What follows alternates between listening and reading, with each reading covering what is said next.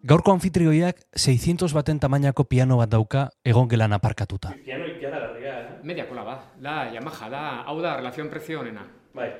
Da Yamaha bat. Noiz dira kasu, txean pianoa? Hau erosi nun dunkadurekin, dunkaduren lehenengo jirakin. Larogeita amalauan. Osea, larogeita bost. Hogeita bost urte. Lehenengo jirakin. Beti afinatuta kasu, ez da? Hombre. Claro. Beti afinatuta, bada espada ere. Ze, ze joko, lehenengo pizza edo, bigarrena edo, edo... Zuna, zuna. Eta jotzera esertzen denean, imintzio aldatzen zaio. Parean duen leiotik ies egingo balu bezala.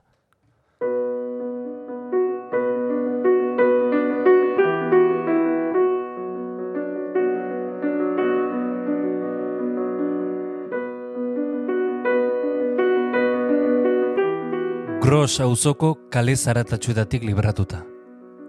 Piano jolea da, eta noten alfabetoaz idazten du. Isiltasunekin eta doinuekin.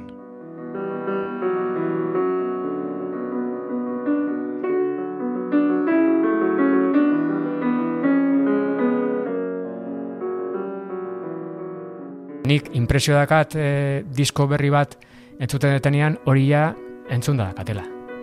Deja bi impresio, eh, etengabeko impresioa.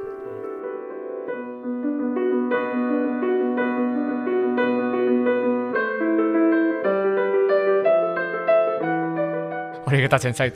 Adibidez, ez zuke aipatu eh, irakurri dizut eh, Jeff Tweerin edo Wilcoren azken diskoa. Bai, nik entzuten dut eta oso disko ona.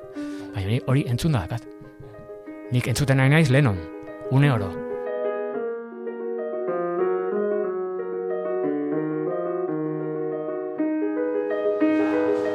Bost urtetan, a- hasieran bita gana zuten, bain zazpi. Eta, eta giriak, eta zaude, ez dakizu nun zaude. Ja. Joder.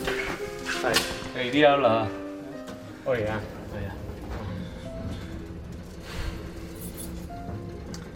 Bueno, ba, etxea dago ilun xamarra.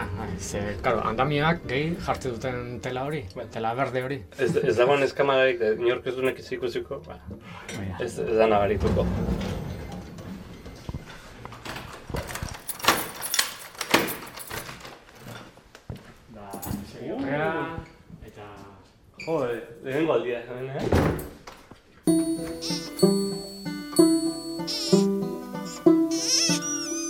Gaur barruan gauden, Joserra Senperenaren etxean sartu gara.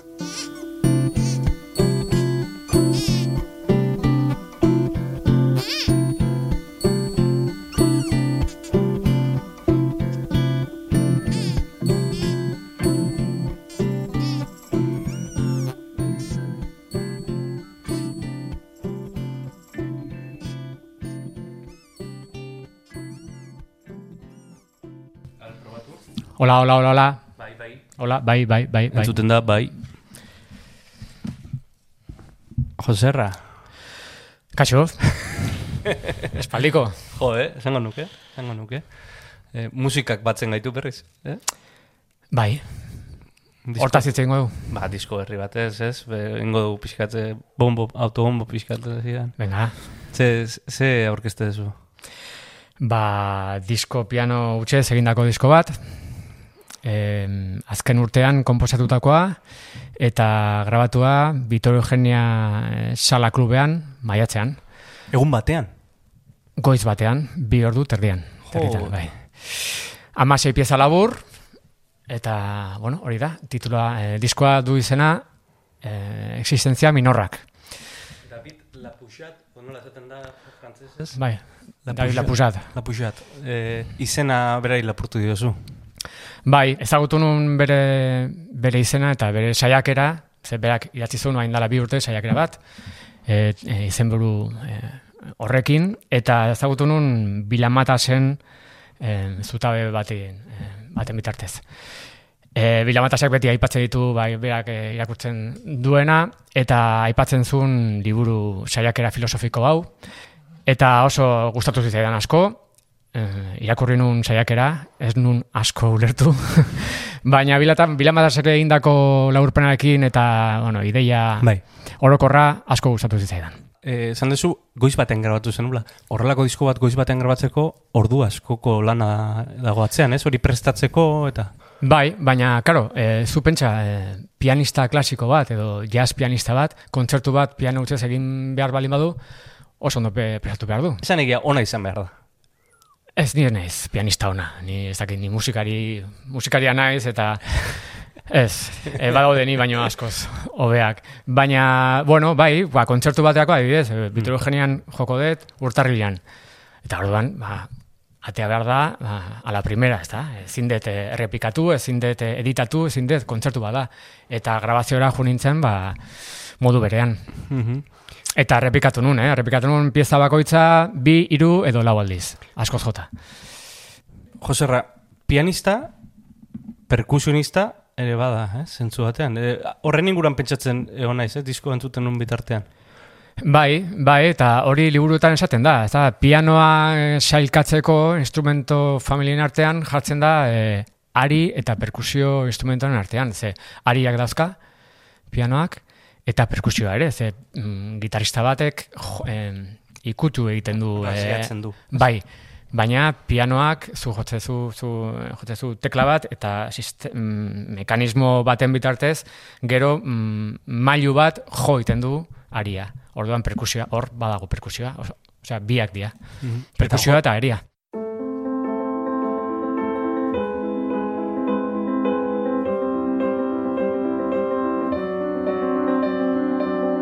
Beti dago mailu bat, sh- mailua aria jotzen duena.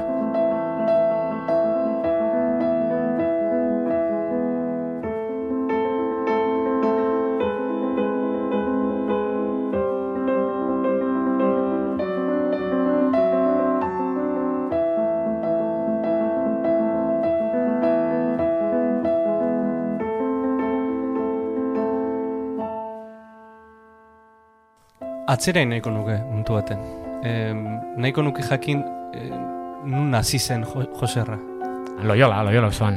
Loyola auzoan e, hasi. Bai, eta berrogeita berrogei urte arte.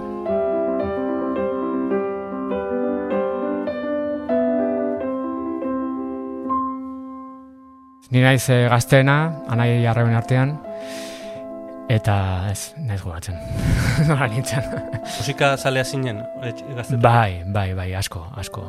Bai, musika hasi nintzen ikasten behatzi urtekin, eta beti izan da oso goza importantea nire bizitza, ez da beti hor eh, ardatza, ez. Horren inguruan beti joan da nire bizitza. Nork, nork sartu zintuen musikaren munduan? Ba, etxean ni nintzen, ba, lau anai arreba eta lau lenguzu, osea, zortzi, bizi ginen elkarrekin, eta ni naiz gazteena, eta etxean disko pila bat zeuden. Eta hor zeuden e, Beatlesen diskoak, eta Letterenak, eta Pink Floydenak, eta Serrat, eta, eta dena, ezta? Eta orduan, eta behin nire lengusuak eskatu zian laguntzea txistua ikastera, e, auzoko elizpera, eta han hasi nintzen txistua jotzen, urte betez, gero utzi nun, eta handik be, bi, bi urtera hasi nintzen pianoekin. Ze eh, jarraitu nun solfeoa ikasten, eta e, klase haietan irakasleak izan prestatzen e, zortzigarren kursua. Eta zortzigarren kurso hortan jotzen zuen e, txoperen El Revolucionario, estudio bat, oso atormentado, oso e, pasionala dena. Eta orduan ena- enamoratu nintzen pianoekin, eta orduan ja mairu urtekin hasi nintzen pianoa ikasten.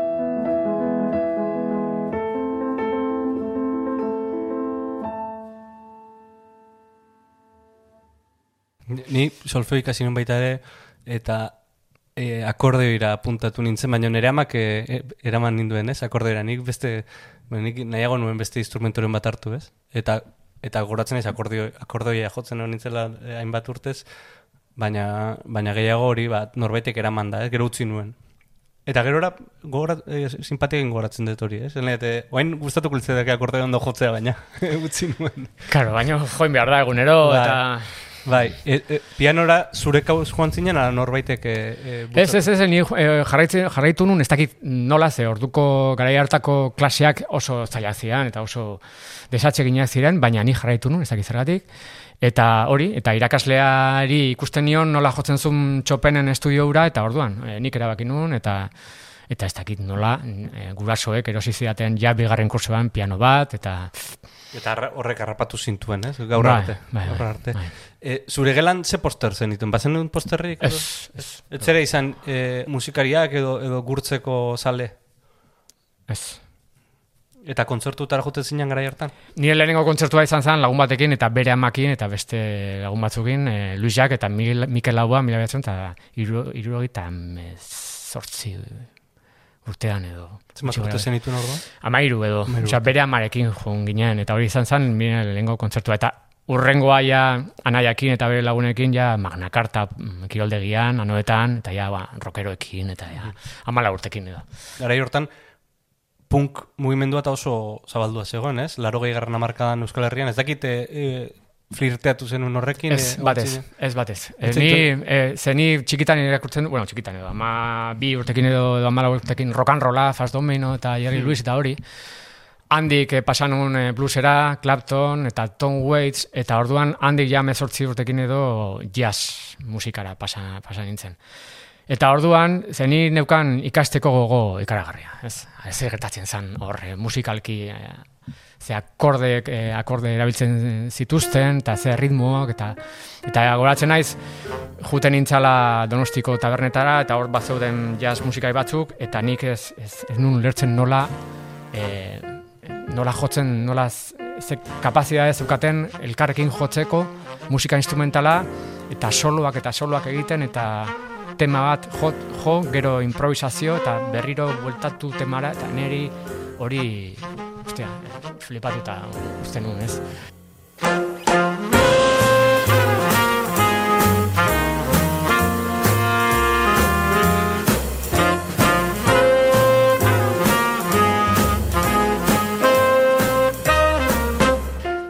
Eta orduan nahi nun hori deskubritu zer ze kode zeuden hor azpian, eta orduan hasi nintzen jasa ikasten.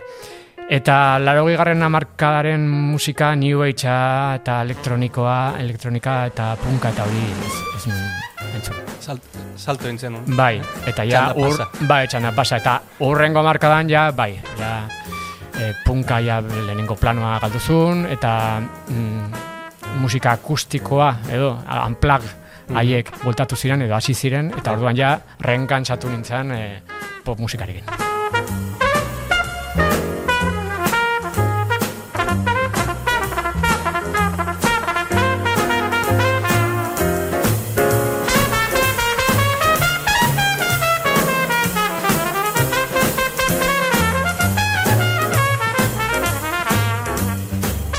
Orain zen musika kugitzen zaitu.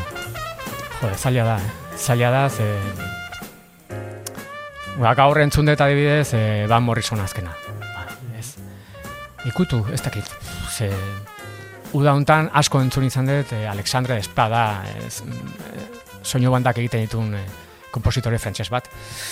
Alberto Iglesias asko gustatzen. Denetik ez zuten dut, baina ikutu zaila da. Guatzen naiz em, em, Alejandro Zambra idazleak e, bere tema libre liburuan esaten du zezaila dan karen la trampa. Eta beak aipatzen zuen e, txikitan e, irakurtzen zuen liburu bat, ez da ez nahi zakoratzen ze, ze izena zeukan.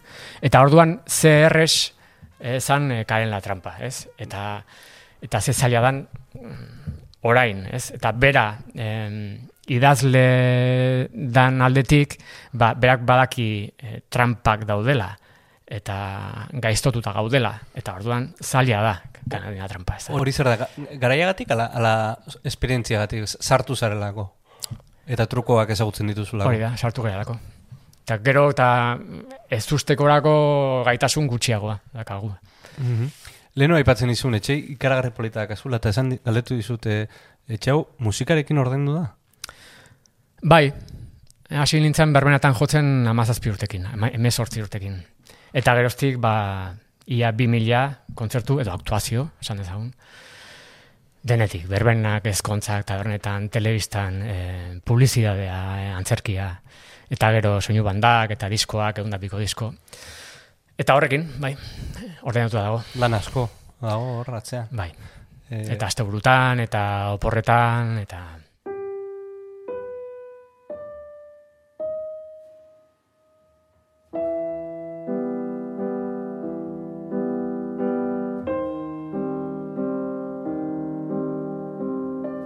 Senperenak, bakarka egindako diskografiaz gain, beste musikarientzat lan egin izan du. Tartean bidertzean, Fito Ilos Fitipaldiz edo Sabina esaterako.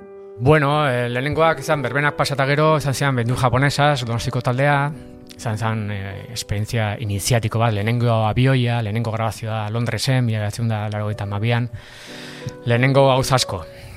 Eta gero torritzen dunkandu, La Buena Vida, eh, bidertzean, Kiko González, Fito Fitipaldiz, hori zuzenekoetan. Hor, eh, esan nahi dut, horra iristeko nola, nola izan zen? Esan nahi dut, eh, suposatzen dut er- errubera baten sartu bertzarela, ez? Eta etortze zaizkizula lanak, ez? Ba, Bai, bueno, ditze dizute, bai. Ni behintu japonesa zen nola hasi nintzen, ba, ni jasa jotzen nun e, musikari batzukin, eta hoietako bat zan behintu japonesako Luis Camino, eta orduan etorri zan entzaio batera ikusi nindun, eta ditu zidan, eta gero e, Diego Basaio ditu zigun e, maketa bat grabatzeko, eta musikarioetako ba, neri ditu zidan Dunkanduaren urrengo diskoa grabatzeko, gero zuzen, bueno, eta bai, errubera. Eta, bai, gurpil batean sartzen zea, eta beste proposamenak ere izan izan itun.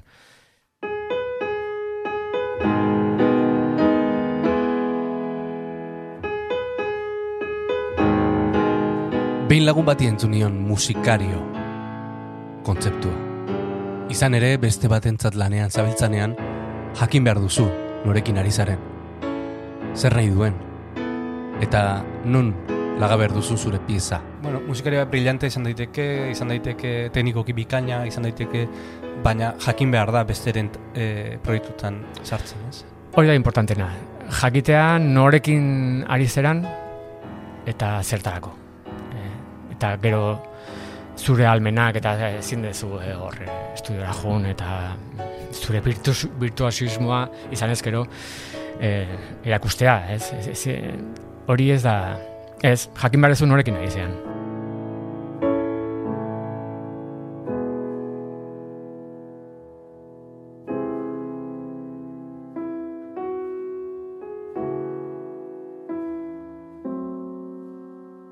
Hori da, importantena. Ni suertea izan nintzen, ze lehenengo diskotako bat izan zen, bindu japonesa, zena, eta grabatu nuen genuen Londresen bi estudiotan, eta han ezagutu genuen kriston estudioak, eta hango kriston eh, teknikari bat, eta gero burrengo grabaziotan Londresen bendukandukin, eta Los Angelesen, eta ba, jo izan un kriston musikariekin, ba, Paul McCartneyren gitarristarekin, edo Randy Newman, edo Joe Cocker, edo musikariekin, ez da? Edo Lurri den eh, Mhm. proiektuarekin, eta, Bai. claro, hor ikastezu ikasi nun pila bat. Nola, nola egon estudioan.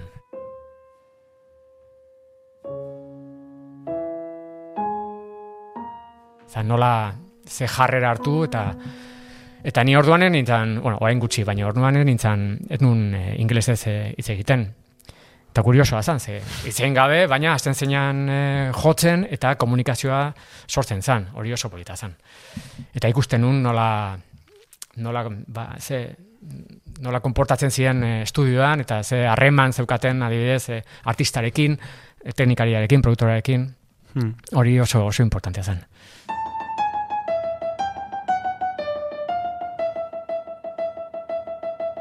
Bai, beti saiatu zen naiz e, grabazioetan nire proposamenak egin. Gero artistak erabakiko du hartu ala ez. Eta nik e, musikariai detz- deitzen e, diedanean nire proiektu batean sa- e, parte hartzeko gauza bera eskatzen dut, ez? Mu- Musikaria ba, gauza proposatu, osea, Proaktibo i- izatea. proaktibo izatea. Azala, azala zaildua dakazu beraz, hori argi dago, eta nola aldatu dan musiken mundua, ez? Zautu duzu aldaketa hori. Jode, erabat. Bai, ze orduan, bueno, ba, diskoak sartzen ziren, bain ez. Orduan eh, esaten da, ez, bazegoen klase media bat, eh, talden artean, bain ez, bain, ba, lapoiak eh, bete, bete egiten du eh, bek bi aldiz, eta gero eh, kontzertuak badira tabernetan eta leku txikietan, baina klase media hori desagertu egiten dala, esate dute, nik ez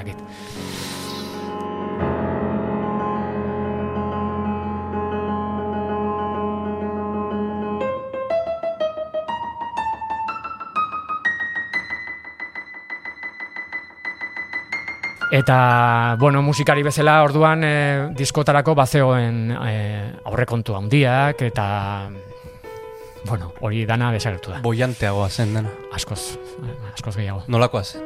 Ez dakit, ni egon nintzen e, Mikel erentzunen disko batean Los Angelesen berroi egun grabatzen.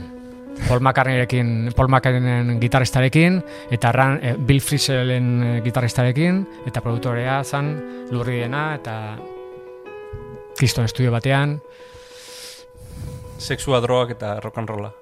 denetik.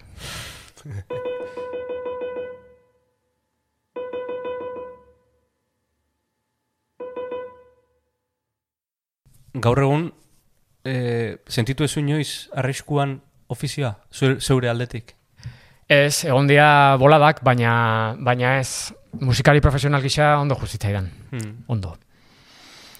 Eta nik esan nun, ba, hain dela lau bost urte ja, eh, esan nun onaino, baina nik esan nik hartu erabakia. Onaino zer? Onaino e, birak, zuzenekoak. Grabaketak ez, ez dakat inungo arazorik, eta gustoko dut taldeekin e, jotzea eta grabatzera jotea oso gustoko dut. Baina jirak eta hori ja ez. Eta, karo, ni hortaz bizi nintzen. Orduan kangelo hori e, gero etorri da. Aldaketa, ez? Ba, ez eh, apostua egin nun, sormenaz bizitzeko, eta, bueno, gauzak ez dira hain jarresak. Oroitzen duzu lehenengo aldia estadio ikaragarri baten igo zinena? Bai, e, behin du japonesasekin izan ginen Madonaren teloneroak. Bai. E, Nun izan zen hori? Ba, Madrilen, Bizente Calderonen eta Monjuiten. Eta esan ziguten han zeudela irurogei mila lagun. Baina, karo, gu, ginen tale teleoneroa, eta ordu erdi bat eh, jotzen genuen, eta kantuen artean publikoa, Madonna, Madonna. eta gu, hain, ba, impresioa zen, ikargarria. Olio ipurdia jarriko zaizun, ez? Un Ba, bai.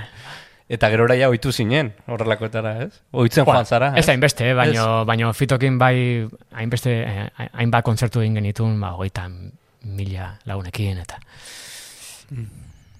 Asko bideatuko zenuen musikarekin.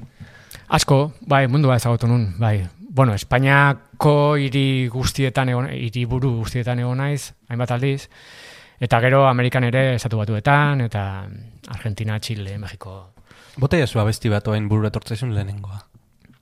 Gondeles Lambers. Once there was a way get back homeward.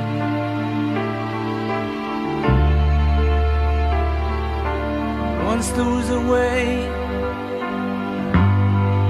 to get back home.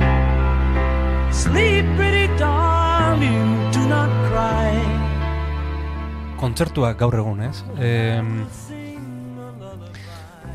badirudi gerozta zailagoa dela jendea kontzertutara eramatea.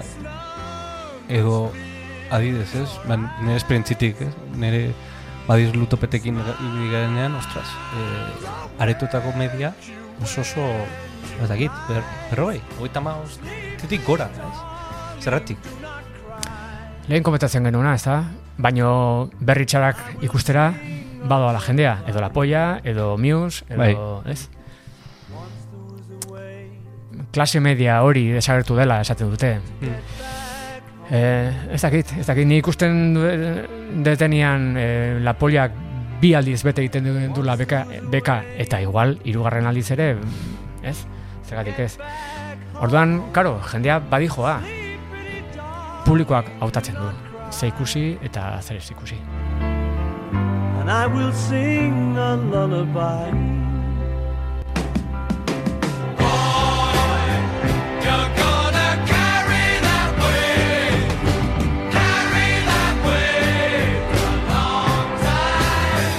Nik entzun izan dizut, ontaz hitz egin izan dugu, eh, baino behin, eh, entzun izan dizut roka eta, mundu hori eh, ja eh, musika klasikoa dela, eta ez, da, ez dela interesatzen hainbeste, ez? Ja pasadera modaz.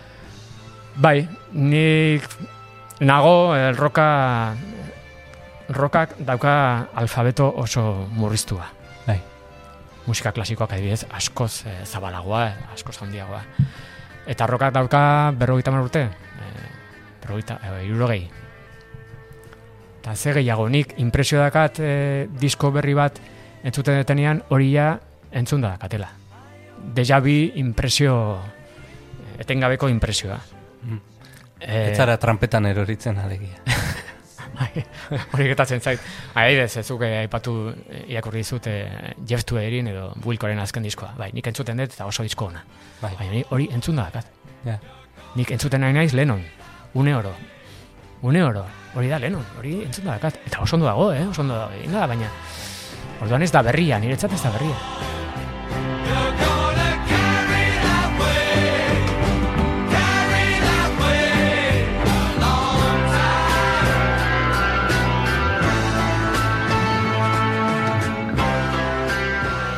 Eta hori getatzen zait musika gehienarekin. zure, zure zarra zarelako.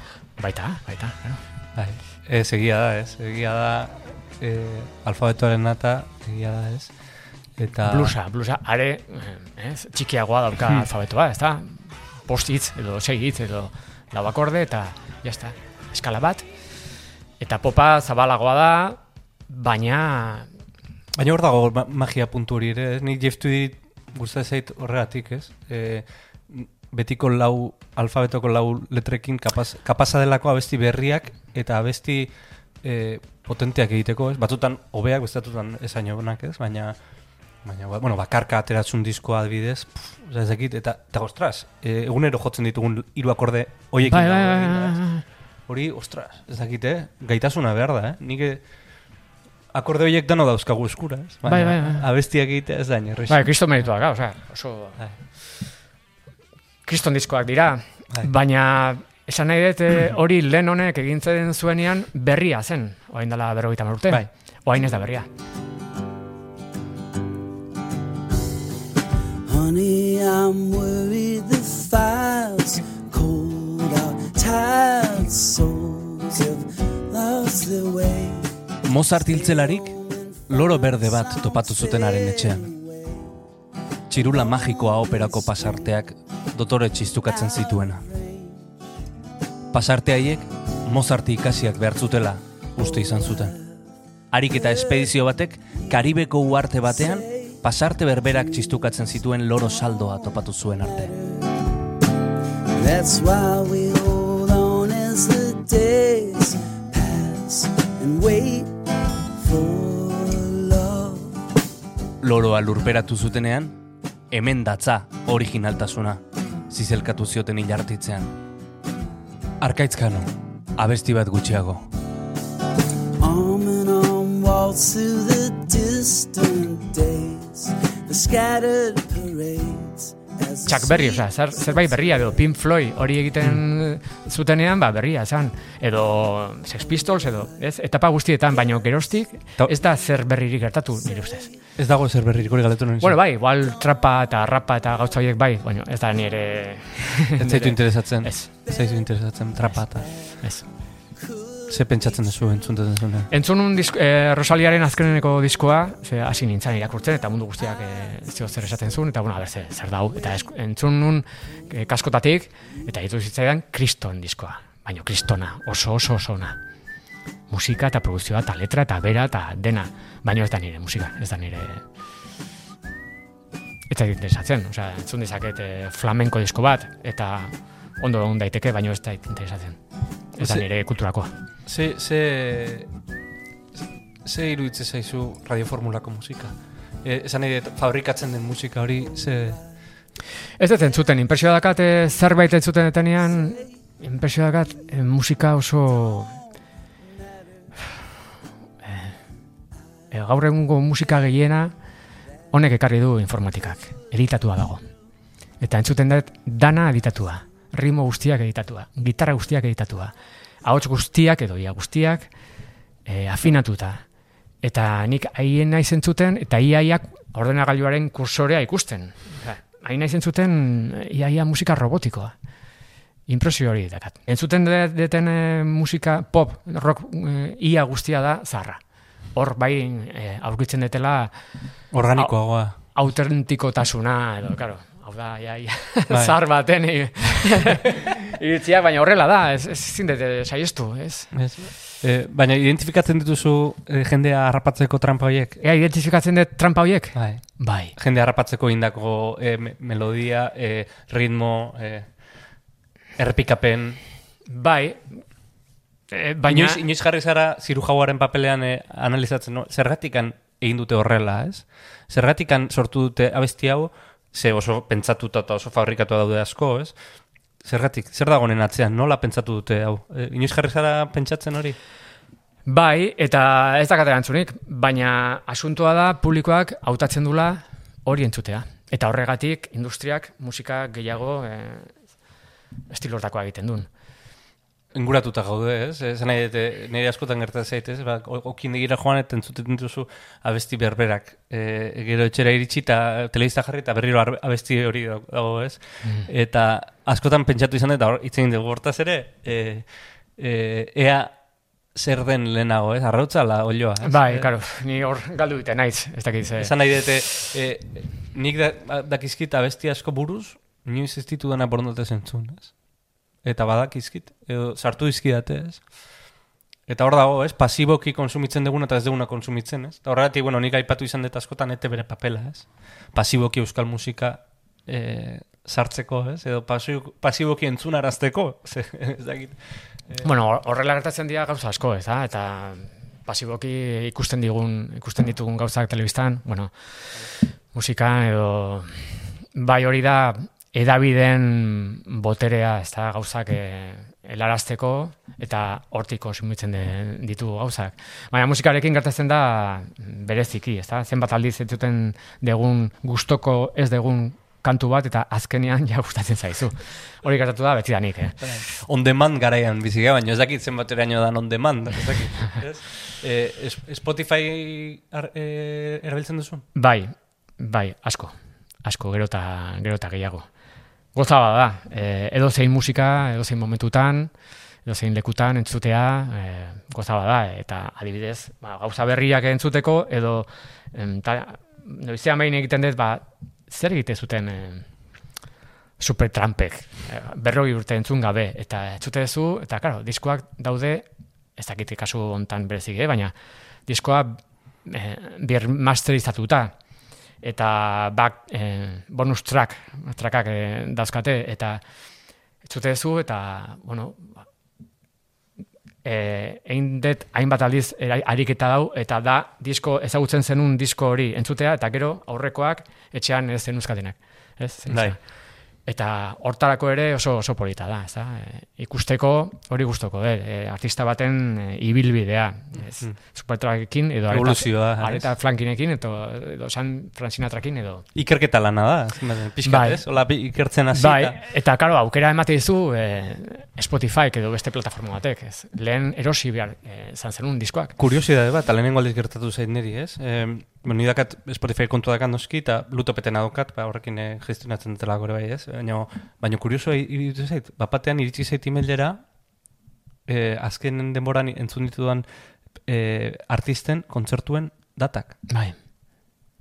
eh, olatzu gazti, kontzertu, zerratik, bueno, alabarik olatzu gazti jartzen digulako, baina eh, jarri, jarri dit Spotifyek. Getariatik gertu, ez dakit zerratik getaria, getariatik gertu dauden eh, zure musikaren eh, kontzertuak, edo zure musikarien kontzertuak. Eta Bilboko olatzu gazti, Benito Lertxundi, eta hainbat musikaria gertu zaizkit. Entonces, no, bala, etxe, hori lehenengo aldia. Bai, e, neri e, diskoa plataforma hortan e, igo dutenek, egin didate, bueno, beste diskoa sartu eta hori, eta deskubritu dut, e, bai. Eta impresioa izan dut, hori izan daitekela etorkizun batean, ez dakit ideia izango dan, zure web e, orrialdea. Eta igual ja ez dezu e, egin beharrik orrialde bat e, taldearena, edo zu, e, baizik eta ja Spotify sar dezakezula, kontzertuak, argazkiak, biografia eta webgune batean sartuko zenukeen gauzak. Ni beti eh, botatzen dudan galdera da monetizazioarena, ez? Ena ete eh, ez dalako doan, ez? E, berez ez da doan, orduan hori nola, ez? Nola neurtu no, nork jartzen dizko arauak Spotify, ez? E, Spotify izten da akordiotara diskografikekin, baina baina Jose Errezenpesenekin, ez? Ez dugu ez jart, e, bai, jasotzen. Bai, hori eskandalosoa da. Ja. Eh, Eta gero esatu dute e, galerak dauzkatela. nik ez dut ulertzen. Zen ni pagatzen dut, eta zu, eta Bai, bai. jende askok, eta orduan ez dute zer gastatzen, eta orduan galerak, nondik? Ja. Bai, ez da, ez dakit, ez dakit, eh, hor, hor galdera ikurrasko daude, ez? Beste kanta bat ezaia Fares. Lehenengo bat hortzen. Beste kanta bat? Eh, Duncan, Paul Simonen, zera, lehenengo diskoaren bigarren kanta. Hemen parean dakau. Bai, horregatik.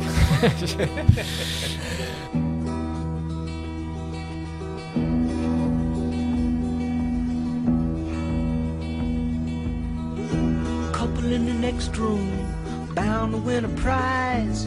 They've been going at it all night long. Well, I'm trying to get some sleep, but these motel walls are cheap. Lincoln Duncan is my name, and here's my song. Here's my song. Esan diazu nola entzuten duzu musika, eta oso ondo dago, baina nondik topatzen dituzu gauza berriak? Edo, zehatze zera topatzen gauza berriak? eh, Twitterren, Twitterretik. Twitterretik, bai. Hor ikusten detena, bai. Hortarako erabiltzen dut batez ere Twitter. Ba, gauza berriak, informazio eh, izateko. Ba, disko berriak, eta liburuak, eta politika, eta... Politika, Hortarako. politika interesatzen zaizu. Bai. Beti ani.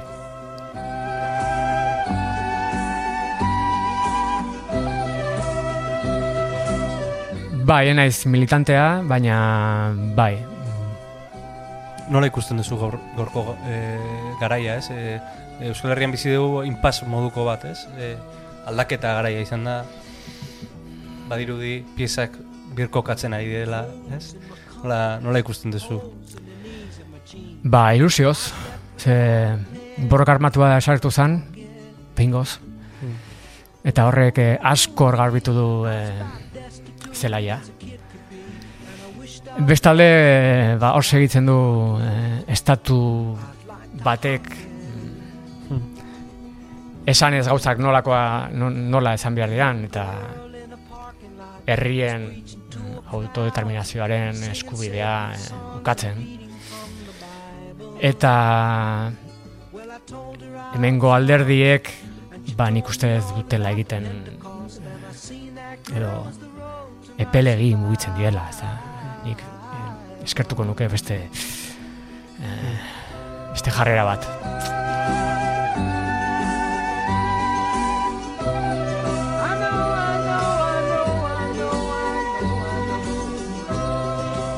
Begiatzen dugu segetatzen nahi dan Katalunian eta desesperantea da, Hmm. egia esan.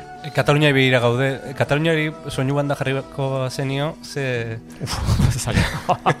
Zer, zerbait disonantea. eh, ze komplikatua, ez da. Hor eh, alde bat eta besteak eh, nik uste gaizki kalkulatu dutela ga- eh, bestearen reakzioa eta sartu dira impotentzian, ez? Pixkat, aurreikusi garria zen baita, ez? Ez dakite, edo, edo pentsatu nahi genuen etzela horrela amaituko, baina baina eh, ez dakit ni eh, Iñaki Larrañaga lagunarekin komentatzen biok politika asko urtzatzen bioi, eta biok beti gabiltza, ez? Eta hasi zenean kontua, zate genuen, ez? Ostras, eh, hemen eh, Ibarretxerekin eh, ikusi genuen nola bukatu zen, ez? Eta arrisku handia ikuste genuen, eh, berriz ere azkenean horrelako impotentzia baten amaitzeak eh, jendea nekatzen du, ez? Hemen gertatu delako diot, ez? Ez dakit nola amaituko den hangoa, baina, baina oso beltza dirudi. Bai, bai, bai, oso... Ez dakit, ez dakit nola, nola bukatuko dan. Nola bukatuko dan. Nik ulertzen dut Kata, eh, Katalaniarren eh, hartu zuten bidea, ez da? Espainiak beti eh, zetz esaten badu, ba, no, ba, egin dezagun gauzak. Baina, ez? Claro, baina, claro, baina horrek ze, ze, ze dakarren. Ez, ez dakit. Mhm.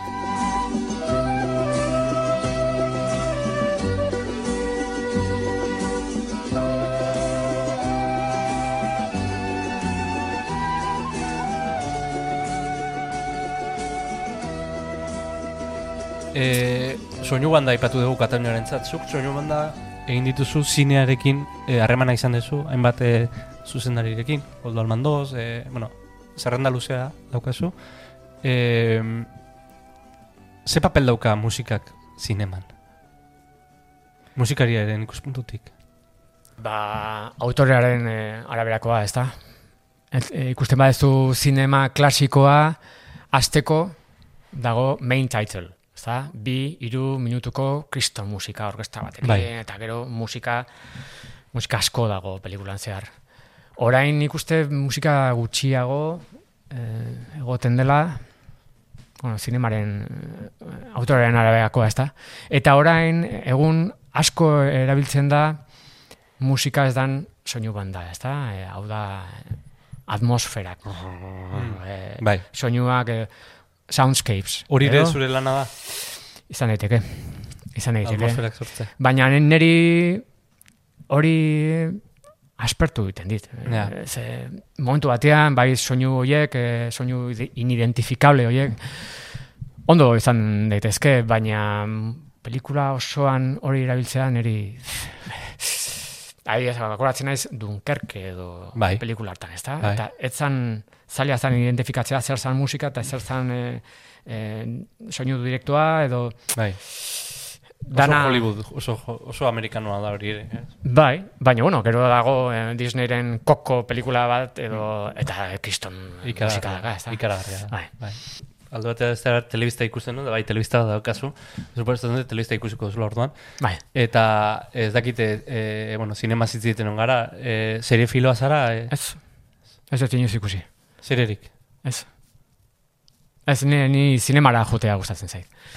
Bai, Et- eta ateatzen zea, eta pantalla handi batean, eta... Trueban. Trueban edo Principen. Mm. Eta soinu on batekin, eta eta etxetik ateatzen zea. Ze nire bizitza gertatzen da hemen, beti barruan, Bai. eta, bueno, ze hau da nire ez laneko ze, lekua.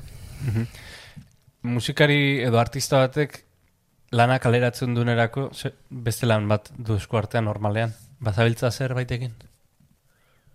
Bai, bukatzen ari gea e, lur eta mets. Lur eta mets da lotura produktorak egiten nahi dan e, pelikula bat. Bueno, da, koproduzio bat, lot- lotura films, ETB, e, ikastorien kargoa eta katxiporreta.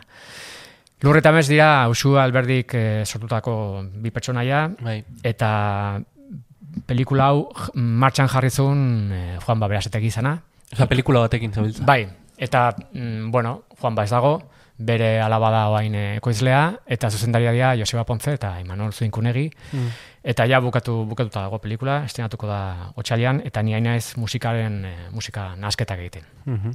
Eta zure bakarkako zean, eh, geldik zaude edo, edo bazabiltza komposatzen? Ez, ez, oain, ez, hain naiz eh, pelikula bukatzen, eta mm, oain dala gutxi bukatu nun eh, Fermin Etxegoienen egunak eta lanak, eskualtzen diaren dokua, eta oain ez, komposatu gabe nago. Des, deskansoan. Bai, bai, irakurtzen, eta E, importantea da deskansatzea. Oso. Bai, zekero, ba, ideiak ateatzeko eta ez errepikatzeko eta eta berriro ez, gero zerbait kontatzeko izateko. Bueno, ni ba, deskansatzen utzuko zaitut, eta eskerrak emango eskizut eh, etxeko atea saltzeatik. Eskaraz zuri.